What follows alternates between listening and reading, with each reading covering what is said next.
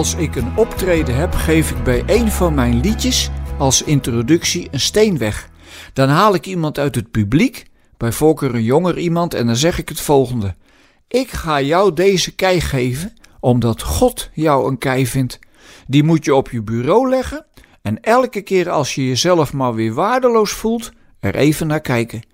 Het is heel mooi dat ik dan soms jaren later hoor dat die mensen die kei nog steeds hebben en er echt iets aan gehad hebben.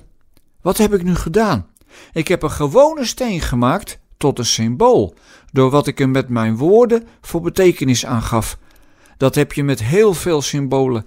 Meestal door de uitleg wordt het dus een symbool. Een trouwring is eigenlijk gewoon een ringetje van meestal goud. Maar door de symbolische betekenis eraan te verbinden, is hij opeens een teken geworden van trouw en verbondenheid. Nou, zoiets doet de Heere God ook met Noach. Na de vreselijke zondvloed begint God opnieuw met zijn aarde en doet Noach een belofte. Hij noemt het een verbond.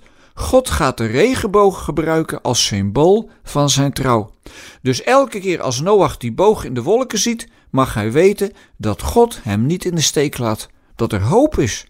Ik reed laatst langs het hoofdkantoor van de Rabobank in Utrecht en zat me netjes af te vragen waar er nog hoop is.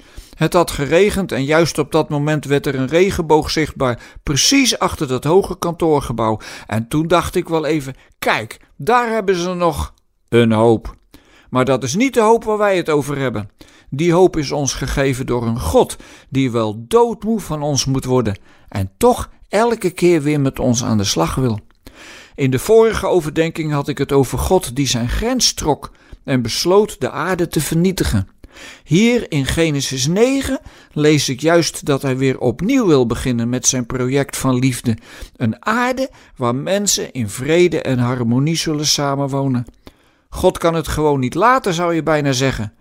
Zou dat komen omdat liefde een drijfkracht is die nooit opgeeft, die altijd maar weer positief opnieuw wil beginnen, ondanks de grenzen die er soms moeten worden getrokken? Dan ligt hier voor ons ook een geweldige klus, want als God zoveel liefde is dat hij weer opnieuw begint, hoe doen wij dat dan? Hebben wij dan geen liefdesuithoudingsvermogen als het weer eens tegen zit? Ik geef toe, het kan soms ongelooflijk moeilijk zijn. Ik voel soms ook wel eens de neiging om eerder mensen met de koppen tegen elkaar te slaan dan om vanuit Gods liefde te handelen. Maar bij het eerste zijn er alleen maar verliezers, terwijl er bij het tweede, het handelen uit Gods liefde, winnaars tevoorschijn komen. Want als je vanuit die liefde leeft, ben je een kei. Dat vertelt de regenboog ons.